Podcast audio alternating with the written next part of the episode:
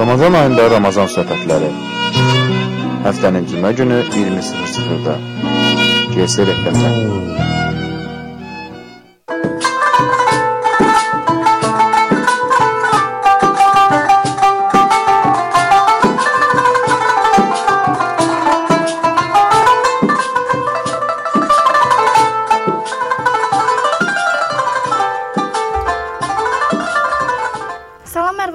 Xeyirli olsun əziz dinləyicilərimiz. Siz Gənclərin Səsi radiosunda Ramazan söhbətləri proqramını dinləyirsiniz. Bakı vaxtı ilə saatlarımız 20:00 göstərərkən mikrofon önündə aparıcınız mən Aydə Səlim. Artıq Ramazan ayının ikinci cüməsini bərabər yaşayırıq və bu gün də maraqlı bir mövzu ilə sizlərin qarşınızdayıq. Bu gün müzakirə edəcəyimiz mövzuya gəldikdə isə e, İslam dinində ailə dəyərləri haqqında danışacağıq və əgər sizin də mövzu ilə bağlı hər hansı bir fikriniz və ya sizi maraqlandıran sual varsa, Gənclərin Səsi radiosu radiosunu Facebook və Twitter ünvanına @gsrfm yazmaqla bizi taq edirsiniz və fikirlərinizi yazıb göndərirsiniz. Qonaqlarımıza gəldikdə isə bu gün iki dəyərli qonağım var. İcazənizlə onları təqdim eləyərdim. Birinci qonağımız Səməd ağa Ağallarovdur. Səməd ağa bəy, xoş gəlmisiniz. Digər qonağımız isə sosioloq Cavid İmamoğludur. Cavid bəy, siz də xoş gəlmisiniz. Çox sağ olun, salamlayıram hamını. Ramazan ayınız mübarək olsun hər ikinizin də. Sağ olun. Bu gün İslamda ailə dəyərləri haqqında danışacağıq, amma mövzumuza keçid keçid almadan öncə e, bizim bir rubrikamız vardır. Günün hədisi adlanır e, və hər mövzuya uyğun e, İslam peyğəmbərindən bir hədis səsləndiririk. İcazənizlə həmin hədisi səsləndirim. Daha sonra isə mövzumuza başlayacağıq.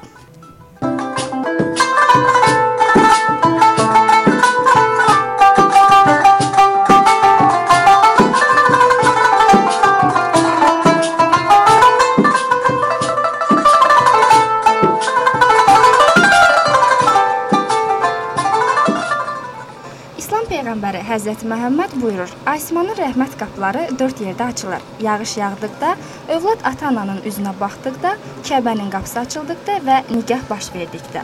Bəli, əziz dinləyicilərimiz, elə bu gün biz də ə, e, İslam dinində ə, e, nigah qurulma, ümumiyyətlə İslamda ailə dəyərləri haqqında danışacağıq və ilk ə, e, sualımı ə, Səməd ağa bəyə ünvanlamaq istərdim.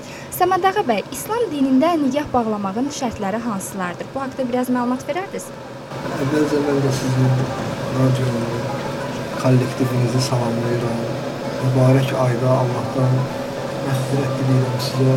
Bilirsiniz, İslam o dindir ki, İslam o dindir ki, əslində İslamın zuhuru ilə, İslamın nazil olması ilə Allah insanlara bir daha başa salmaq istədi ki, onlar həqiqətən də dəyərli varlıqlardılar və Allah onları yaratdıqlarının içində şah əsəri qərar verib. Bu qəbildən Qurani-Kərimdə Peyğəmbərin hədislərində, məsum imamların həyatında və hədislərində kifayət qədər, kifayət qədər məlumat var. Aha. Bayaq hədis oxudunuz Həzrəti Peyğəmbərdən bir neçə məsələni sadaladınız ki, onlar savab işlərində ümumiyyətlə İslamda yaxşı işlərə təşviq savab e, kontekstində qurulub. O cümlədən də e, mühüm İslamın mühüm dəyərlərindən və təkid elədiyi işlərdən biri də e, ailə institutudur.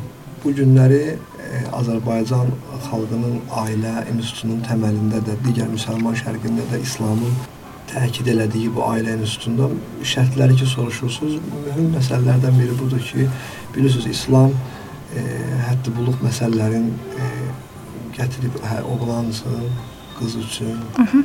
onların e, nigaha girmə yaşlarını bəlli edib. Nigaha girmə yaşında e, girmə yaşından sonra valideynlərin və nigaha girəcək şəxsin razılığı məsələlərini gətirib və mühüm məsələ kimi hər iki tərəfin e, yəni nigaha girəcək şəxslərin razılıq səbəb razılıqlarını şərt kimi gətirib. Bilirsiniz bu o dövrlər idi ki, 7-ci əsrdə qadına bu hüququn verilməyi çox çətin bir proses idi. Hətta baxsaz Peyğəmbər sallallahu öz qızını e, dünya xanımlarının xanımı, xanım Zəhranı da e, nigahında ondan soruşdu ki, siz öz qızından soruşdu ki, siz bu nigaha razısınızmı? Hansı ki, dünya bu prosesi hələ də keçmək üzrədir. Bəziləri üçün artıq nigah dəyərsiz kontekstə düşüb, siz özü bilirsiniz, qərb öz dəyərlərində e, müsəlman şərqindəki ailə institutunu dağıtmağa qərarlıdır. Müəyyən təbliğat vasitələrini bilirsiniz bu barədə Cavid bəy yəqin ki, geniş danışacaq. Bəziləri üçün ailə məsələsi tamam kölgəyə salınmış bir şeydir. Bu da düşünülmüş şəkildə cəmiyyəti e, parçalamaqdan və cəmiyyəti süqut etdirməkdən yana e, addımdır. Bəziləri isə dediyim kimi peyğəmbərin 7-ci əsrdə İslamın e, nikah e, şərtlərin e, şərtlərinin həmin o prosesi keçib dünya hələ də keçə bilmir. Dünya hələ də e, İslamın tələblərinə uyğun mükəmməl ailə institutunu formalaşdıra bilmir. Bu barədə daha geniş danışmaq olar. Əfsus, vaxtımız məhduddur. Aydındır. Cəvid bəy, e, sizdən bir şey soruşacaqdım. Ümumiyyətlə ailə anlayışının e, sosioloji baxımdan mahiyyəti nələrdir?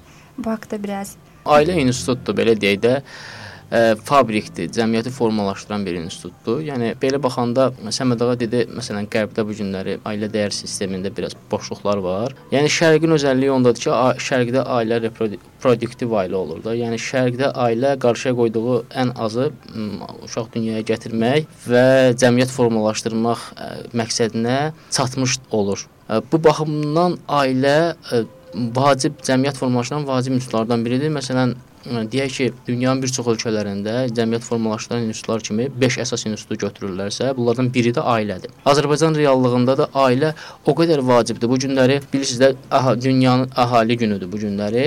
Baxsaq bu gün Azərbaycanda ailələrin sayı, yəni e, əhalinin sayı 10 milyona gəlib çatır. Bu nəyin hesabınadır? Bu tipik Azərbaycan ailələrinin hesabınadır ki, onlar nə kasıblığa baxırlar, nə, nə Ramazan ayına baxırlar, nə ə, ağa baxırlar, nə qaraya baxırlar. Elə uşaq dünyaya gətirirlər və cəmiyyəti formalaşdırırlar və bu bundan bu nemətdən bir çox Avropa ölkələri məhrumdur. Bura İsveç, Qərbi Avropa ölkələri, yuxarı Şimali Skandinaviya ölkələri, bir çoxları daxildir bura ki, bu böyük e, institut onlarda, yəni fabrik işləmir. İşləmədiyi təqdirdə də bir çox cəmiyyətdə iqtisadi problemlərə qədər gətirib çıxarır. Yəni ailə bu qədər vacib institutdur. Ailə e, cəmiyyətə fərd verir, hansı ki, fərd formalaşdırır. Yəni din, Ramazan, yəni orucluq fərdlər olmasa mahiyyətini itirir də. Bu din biz üçün gəlib. Ona görə də bu baxımdan baxsaq, yəni sırf sosioloji baxımdan baxsaq baxsaq, bəli, ailə cəmiyyətin formalaşdırılması, dövlətin təşəkkül tapması, iqtisadiyyatın genişlənməsi, dinin nəhayətdə yaşaması üçün çox vacib institutlardan biridir. Bəs ailəyə sosioloji baxımdan hansı yanaşmalar mövcuddur? Hansı baxım, sosioloji baxımdan ailəyə yanaşma deyəndə mən ə, istəmirəm burada sosiologiya dərsi açaq, çünki Mən Bakı Dövlət Universitetində ailəyə sosiologiyası dərsini bir semestr uşaqlarla müzakirə eləmişəm. Ona görə də ailə yanaşmalardan danışmayacağıq, amma ailə elə bir yağ dediyim kimi, ailə ə, sırf belə deyək də, ə, fərd yetişdirən belə deyək də institutdur. Bu belə bu formada təhrif versək daha yaxşı olar. Aydındır. E, Səməd ağa bəy, ümumiyyətlə e, İslam dinində e, nikah qurmağın fəzilətləri varmıdır və varsa hansılardır? Ümumiyyətlə Qurani-Kərimə nəzər saldıqda daha mühüm qabarıq və ayələrdən biri də budur ki, Allah insanı bir qadın və bir kişidən yaratmışdır. Bu artıq Allahın insanı bir ailə kimi görmək qanunundan xəbər verir. Allah Adəmi yaratdı, sonra Həvvanı yaratdı. Ayə belədir ki, biz sizi bir qadın və bir kişi olaraq yaratmışıq. Digər Peyğəmbər sallavatullahın hədislərinə də nəzər salanda biz açıq-aşkar görürük ki, Peyğəmbər e, ailə qurmağa daha çox təkid edib. Ümumiyyətlə Peyğəmbərin hədislərində var ki, e, sosial vəziyyətin aşağı olmağı, evsizliyin olmağı və digər bu məsələlərin e, problem kimi göstərilməsi ailə qurmamağa e, dəlalət eləməz. Çünki İslamda e, ümumiyyətlə müsəlmanların içində bir deyim var, əslində bu hədisdir ev tikənlə evlənənin ruzisini Allah təbarək təala öz dərgahından ayırır. E, bəs ümumiyyətlə İslam dinində hansı hallarda evliliyə icazə verilmir? Yəni nəsə bir maneə varmıdır ki, yəni İslam dinində münasibət elədir ki, bu insanlar evlənilməz? Təbii ki, bütün e, qanunlarda olduğu kimi İslamda da Allahın qanunlarında da istisna hallar var. Aha. Burada fərdin ruhi problemləri və yaxud da ailə qurandan sonra hər iki şəxsin e, şəxsiyyətini aradan apara biləcək eyblərin açılması, təbii ki, bunu e, üzr istəyirəm fikir sözümdən belə çıxmasın ki, e, bunu bakirəlik mövzusuna yozmasınlar. İslamda belə bir e, təkid, göstəriş, belə deyən bir şey yoxdur. Sadəcə müəyyən məsələlər var ki, mən üstü örtülü keçirəm. Ola bilər ki, e, fərd olaraq qadında və ya kişidə cinsel problemlər ola bilər, digər problemlər ola bilər və bütün bu təkidlərə baxmayaraq İslam həmən ailə qur və sən ailə qurmağa təhkimsən, bu məcburiyyətdə sən belə söz demir. Allah və onun rəsulu bu işə təkid edir. E, Cavid bəy, e, bəs ümumiyyətlə, ümumiyyətlə e, ailə həyatında hər hansı bir böhran dövrləri varmıdır?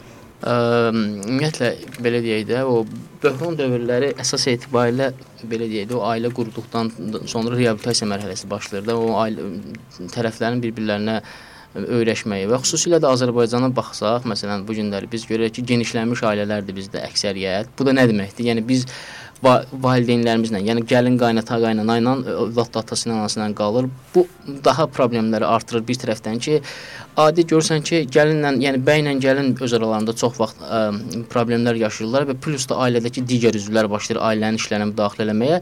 Azərbaycan reallığında bu hardasa reabilitasiya olunmur da. Yəni ömrümün axırına kimi bütün bu ə, fərqli xassiyyətlərə, fərqli dəyərləri olan qaynataya, qaynanaya, hansı ki əksər vaxtlarda da ailədə sözü keçən şəxslər onlardılar.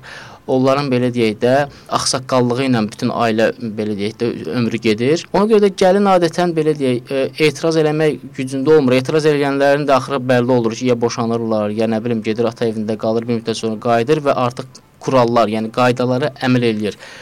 Bu baxımdan bizdə reabilitasiya e, sırf belə deyək də o ailə həyatı qurub öz ayrı məkanda qalan insanlarda ilkin 6-7 ay ərzində ailənin o təməllərinin möhkəmlənmə, xüsusilə də Azərbaycan realında bu daha çox özünü büruzə verir. Çünki bəzi vaxtlar görürsüz ki, e, evlənmək istəyən insanlar evləndikdən sonra ə, e, artıq bərkləşməyə başlayırlar. Yəni öz psixososial baxımdan bir-birlərini tanımağa başlayırlar. Yəni evliliyə qədər ə, e, onların arasında güclü bir ünsiyyət olmur, güclü ə, paylaşma olmur deyə onlar bir-birlərini evlilikdən sonra tanımağa başlayırlar. O baxımdan, yəni belə deyək də, o mərhələ ki, evlilikdən qabaq olmalı idi, bizdə gəlir düşür evlilikdən sonraya.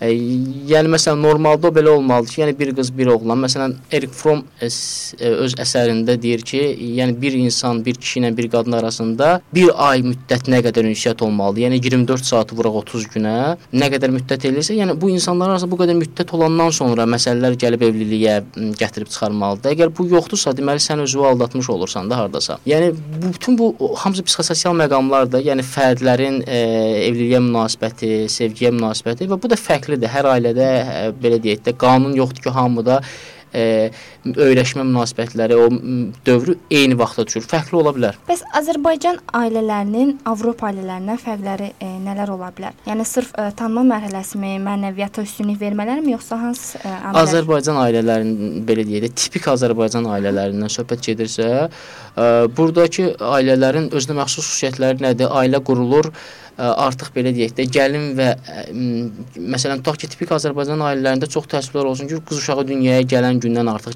gəlindir. Ona ə, belə deyək də, artıq gəlin gözü ilə baxırlar və onu gəlin gözü ilə böyüdür ata-ana. Qız da özünü evdə artıq hiss eləyir. O başa düşür ki, onun xoşbəxtliyi ana olacağı ailə o belə deyək də qaynata qaynana evindədir. Yəni o onda dəyər tapacaq ki, o ana olacaq və o belə deyək də bütün məsuliyyəti öz üzərinə götürəcək. Və artıq o dövrdən etibarən dəyərləşmə başlayır. Yəni Azərbaycan tipik Azərbaycan ailələrində ə, övlad ə, evdəkilərə qulluq məsələsi önəmlidirsə, məsələn, qərbdə baxsaq, şəxslərin fərdi həyat tərzinə üstünlük verirlər. Heç görürsən ki, egoizm ə, imkan vermir ki, onlar bir ömür uşağı sahib olsunlar. Yəni uşaq dünyaya da gətirmirlər. Yəni fərqlər çoxdur. O baxımdan ki, burada fərdi yaşayış üstünlük verirlər. Burada altruist ə, həyat tərzi var. Məsələn, gəlin səhər durandan axşam 12 olana qədər dayanmadan işləyir. Azərbaycan ailələrində. Azərbaycan ailəsində qaynanaya, qaynataya baxır, ərə baxır, uşaqlara baxır, durmadan avtomatik, yəni onu belə deyək də saatını pulla hesablasaq, o hamıdan çox qazanır əslində. Yəni məsələn, ər gedir 8 saat işləyir, məsələn 500 manat qazanırsa, gəlin səhər 8-dən axşam 12-yə qədər işləyir. Vurun da, hesablayın. Ə, hardasa 1200-1300 manat da o gətirir ailəyə gəlir tək öz evdə işləməklə. Yəni məsələn qərbdə bu şey yoxdur ki, ə, gəlin gəlsin evdə və ömrünü belə deyək də təmizlik işlərinə həsr eləsin. Bu da fərqlərdən biridir. Amma bu Azərbaycanın hardasa xoşbəxtçiliyidir, nə mənada?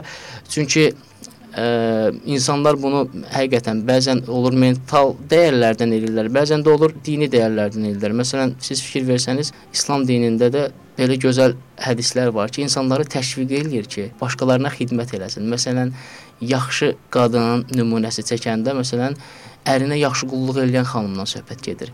Yaxşı kişi nümunəsi çəkəndə də xanımına, yəni bu qulluq məsələsini İslam volontyor şəklində, yəni könüllü olaraq ə, ortalığa atır. Nəinki ə, ailəni bir ofisə çevirib hər şeyi qayda ilə, maddə ilə tənzimləmirlər. Yəni könüllü olaraq xoşbəxt olacaqsan qiyamətin günündə əgər ərivə qulluq eləsən. Xoşbəxt olarsan qiyamətin günündə əgər xanımva yaxşı ər olsan. Bu məsələlər burada Allahın rizası ilə. Ona görə deyirəm də Azərbaycan ailələrində bu məsələlərin mentalitetlə həm də dinin o sevgisi ilə həll olunan məsələlərdir. Aydındır. E, Səməd ağa bəy, bəs e, tipik müsəlman ailəsinin səciyyəvi xüsusiyyətləri nələr olmalıdır? Sən Cavid bəy sadaladı ki, Azərbaycan ailələri belə-belə bu xüsusiyyətlərə malikdir. Müsəlman ailəsinin digər ailələrdən fərqləndirən cəhətləri nələrdir? Bilirsiniz, çox təəssüflər olsun ki, mən e, tipik İslamın e, fundamental e, qaydalarına uyğun ailəni ancaq kitabda oxumuşam. Bu, bu həqiqətdir ki, mən məsum imamların ailəsindən və peyğəmbərin ailəsindən oxumuşam və İslamın e, ailəsinin İslam qanunlarının formalaşdırdığı ailəni və o qanunlarla ki mən tanışam, oxuyuram. E, bir insan kimi başa düşürəm ki, əgər bir ailədə İslam Allahın buyurduğu kimi tətbiq olunarsa, o ailə yalnız və yalnız səadət gəmisi ola bilər. Və yaxud da səadət küləyi ola bilər yenə deyirəm, e, İslam dini kamil bir dindir. Allah bu dini kamil din qərar verib və e, o kamil dinin qeyri-kamil ailəsi ola bilməz. Bilirsiniz, İslamda ailə qadın-kişi münasibətləri o qədər titiz hesablanıb ki, məsələn, mən bir iki misal çəkə bilərəm. Aha, buyurun. E, sizin də marağınıza səbəb ola bilər. Məsələn, İslamda kişi heç bir məişət işlərində əmr edici postda deyil. Qadın e, məişət işlərinin, ailədə məişət işlərini görməyə sorumlu deyil. Eyni zamanda qadın da öz həyat yoldaşından onun e, məcbur və mütləq tələbatına uyğun şeylər tələb eləyə bilər. Məsələn, bir dəst paltar, başının üstünü örtməyə bir dam, ev deyək. Eyni zamanda e, qadın ailədə dünyaya gətirdiyi uşağa süd verməyə də təhkim deyil.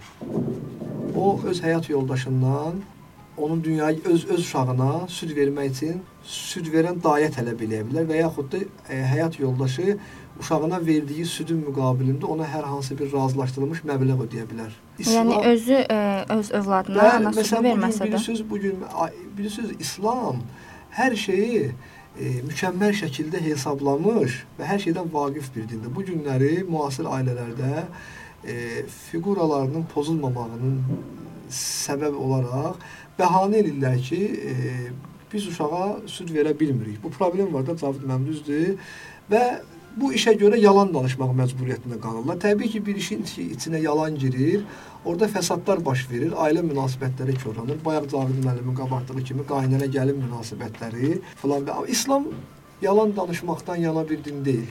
Hər bir şeyi aşkar, yəni sən bu təhkimiyyətdə deyilsən. Əgər istəmirsən, bu şeydən imtina edə bilərsən. Aydındır. Çox sağ olun. Mövzumuza qaldığımız yerdən davam edəcəyik, amma Eyni. hələlik ki fasiləyə ayrılacağıq. Əziz dinləyicilərimiz, siz Gənclərin Səsi radiosunda Ramazan söhbətləri proqramını dinləyirsiniz. Musiqi fasiləsindən sonra isə yenidən birlikdə olacağıq. Bizi dinləməkdə davam edin.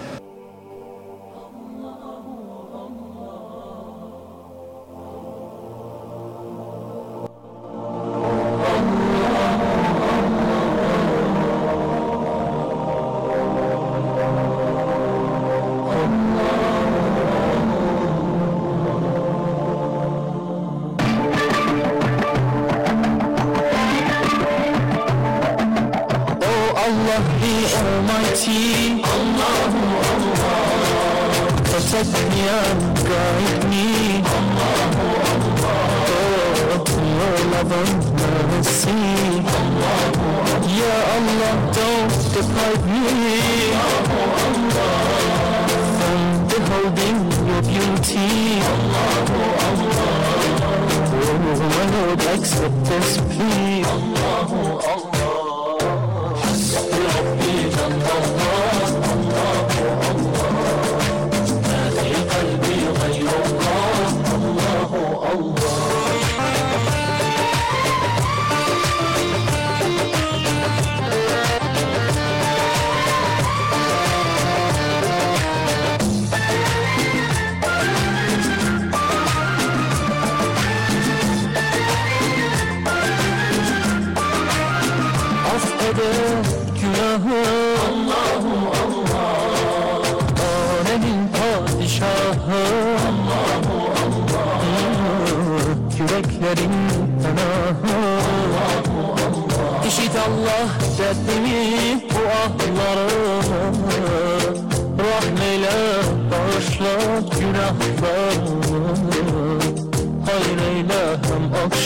sabahlarımı Hasbi Rabbi can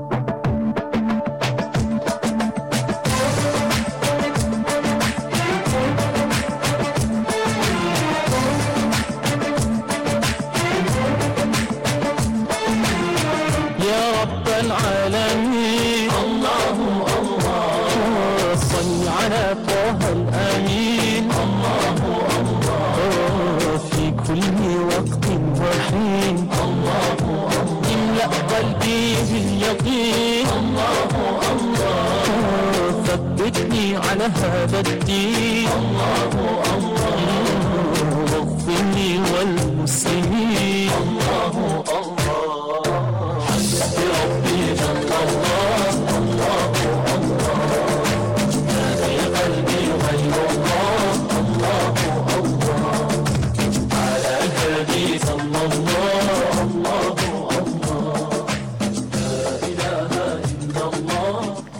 əziz dinləyicilərimiz, e, proqramımıza qaldığımız yerdən davam edirik e, və e, proqramımıza bir rubrika ilə davam etdirmək istəyərdik. Əziz qonaqlarımız, bizim iftar menyusu rubrikamız vardır, hansı ki, ola bilsin dinləyicilərimiz hələ iftar süfrələrini hazırlamayıblar və tez və qısa zamanda biz yemək resepti təqdim edirik. İcazənizlə onu səsləndirək, daha sonra isə söhbətimizə qaldığımız yerdən davam edəcəyik. Əziz dinləyicilərimiz, iftar menyusu rubrikasında bu gün sizə ətsiz kabab reseptini verəcəyik. Ətsiz kabab üçün bizə lazım olan ərzaqlar bunlardır. 4 dilim qızardılmış çörək, 3 ədəd badımcan, 3 ədəd közdə qızardılmış qırmızı bibər, 1 kasa qatıq və 1 xörək qaşığı kərə yağı, duz istiot zövqə görə. Ətsiz kababın hazırlanması proseduru isə bunlardır. İlk öncə badımcanları bir neçə hissəyə bölüb qızardırıq. Üzərinə közdə bişirilmiş və doğranmış qırmızı bibərləri əlavə edirik. Sobada və tavada kub formasında kəsilmiş və qızardılmış çörəkləri isidib, daha sonra isə boşqaba qoyuruq. Üstünə badımcan və bibər qarışımını eyni zamanda qatığı tökürük. Sonda isə əridilmiş kərə yağını üzərinə gəzdirib və ətsiz kababımız hazırdır. Nuş olsun. Sağ ol. Allah hər kəsin orucunu qəbul etsin deyirik və proqramımıza qaldığı yerdən davam edirik. E, biraz da e, İslam dinində dini kəbinlərdən danışmaq istərdim. Ümumiyyətlə dini kəbin və dövlət qarşısında e, imzalanan e, nigahlar haqqında, eyni zamanda e, vətəndaş nigahı haqqında Cavit bəydən fikirlərini alacağam. İlk öncə Səməd ağa bəy, dini kəbin haqqında bizə məlumat verərdiniz? Dini kəbin necə olur bu haqqda? Ümumiyyətlə İslamda kəbin anlayışı var. Yəni kəbin və ya dini kəbin anlayışı deyən belə bir şey yoxdur və bu gün bizim dövlətimizdə mövcud olan e, nicah nicah məsələsi var. E, dini kəbin bundan ibarətdir ki, e, necə ki qanunlarımızın buyurduğu kimi nicaha girən düzlüklər nicah idarəsinə gedir və orada bir müvəkkil ölkənin nicah haqqında qanunları sadalayandan sonra qanunların tənzimlədiyi şəkildə onları bərabər nicaha salırsa, eyni zamanda da dini kəbin bu qaydada baş verir. Əfsuslar olsun uz- uzun sürən 70 il Sovet e, təfəkkürü bizim xalqda belə bir e, iz qoyub. E, adətən dini kəbinlərə e, qız tərəfini aparmazlar. E, və ya bəzən heç oğlan da getmir, valideynlər bu məsələni həll edirlər, amma İslamda bu cür deyil. İslamın tələblərində dini kəbin çox ciddi e, bir yanaşmadır. Mən müasir İslam alimlərinin birinin e, 22 cild İslamda nikah anlayışına aid qanun kitablarının kitabxanamda var. Bəzən baxıram, dəhşətə gəlirəm ki, qanunlar o qədər sərt və titizdir. Bilirsiniz, dini kəbində e, hər iki tərəfin qarşılıqlı anlayışı nəzərə alınır və e, qadın tərəfi mehriyə e, qoymaq, necə ki, dünyəvi kəbində e, məhkəmə onların birgə nikahda əldə etdikləri malı, mülki onların arasında qanunla bölür. Eyni zamanda da İslami e, kəbində qadının mehriyə hüququ var.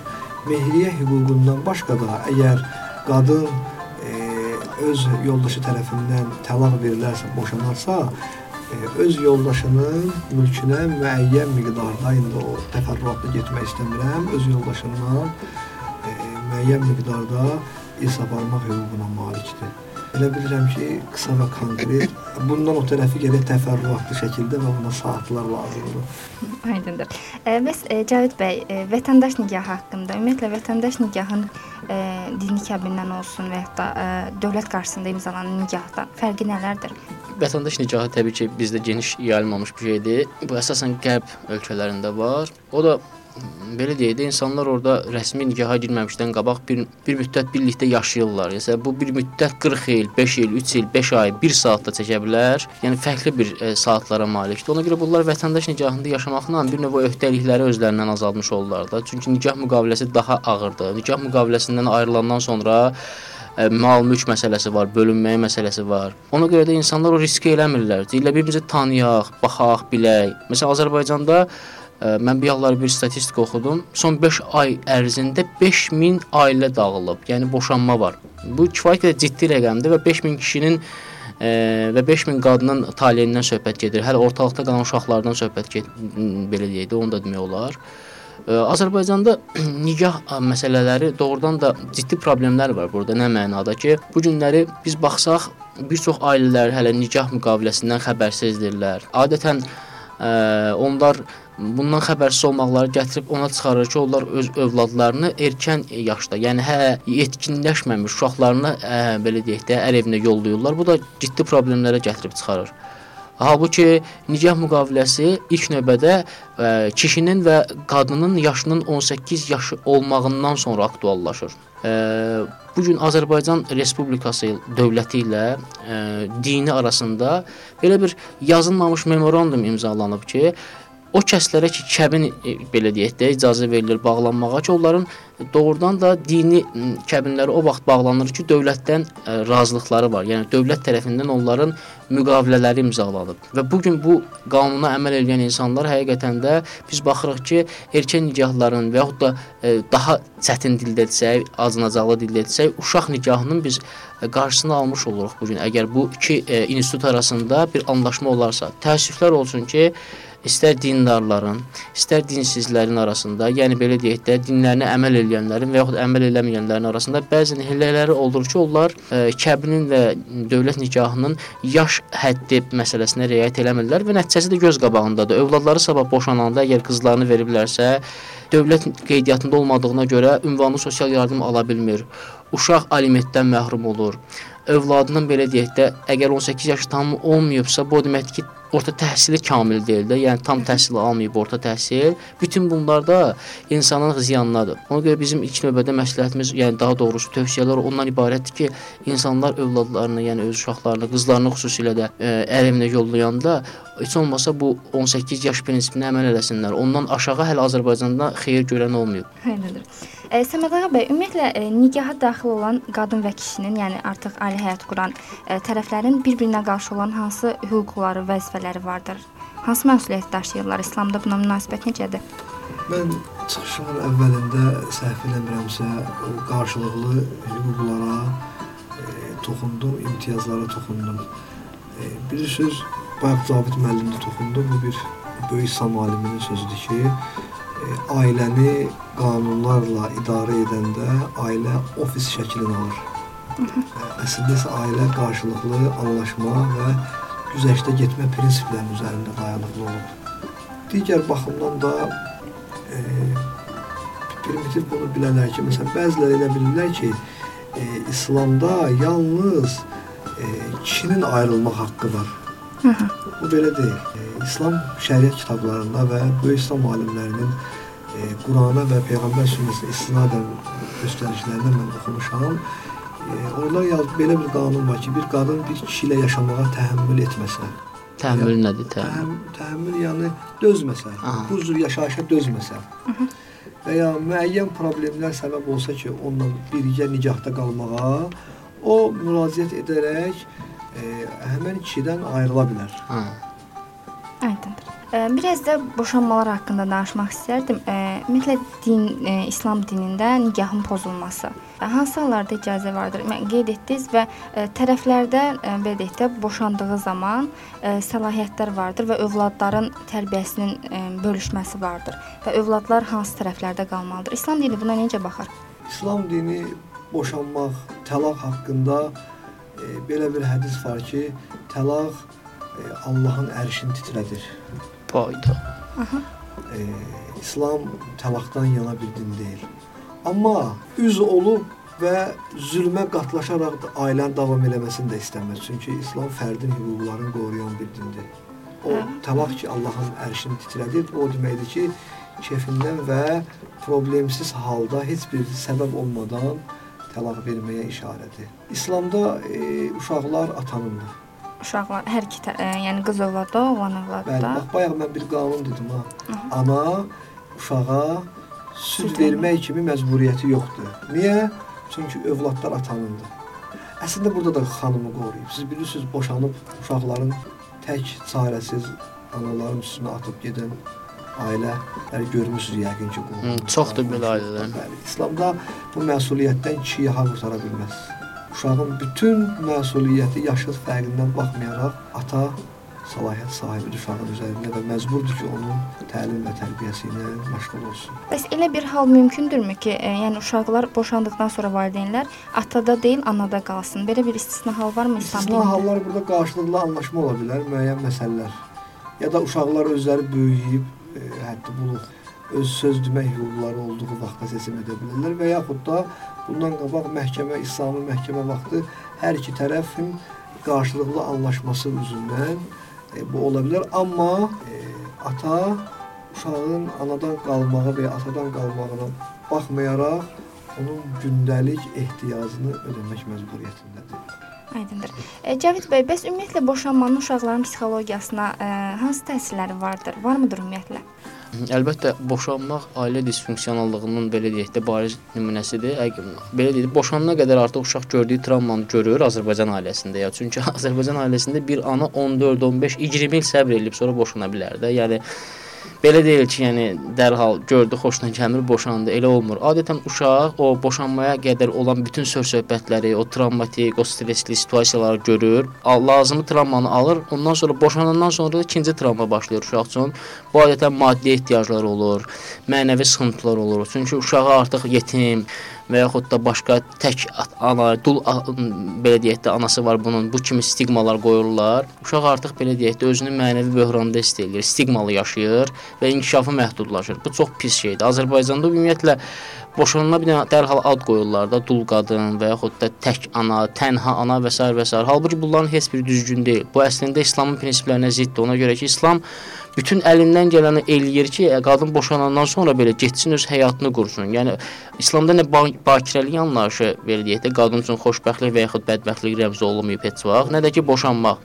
Yəni biz baxsaq şərq ölkələrində harda ki qadınlara hüquq veriblər, məsələn hal-hazırda vəziyyətlər yaxşıdır. Qadınlar bo evlənib boşandıqdan sonra ə, kifayət qədər belə deyək də xoşbəxt ailə tərzi sürə bilirlər.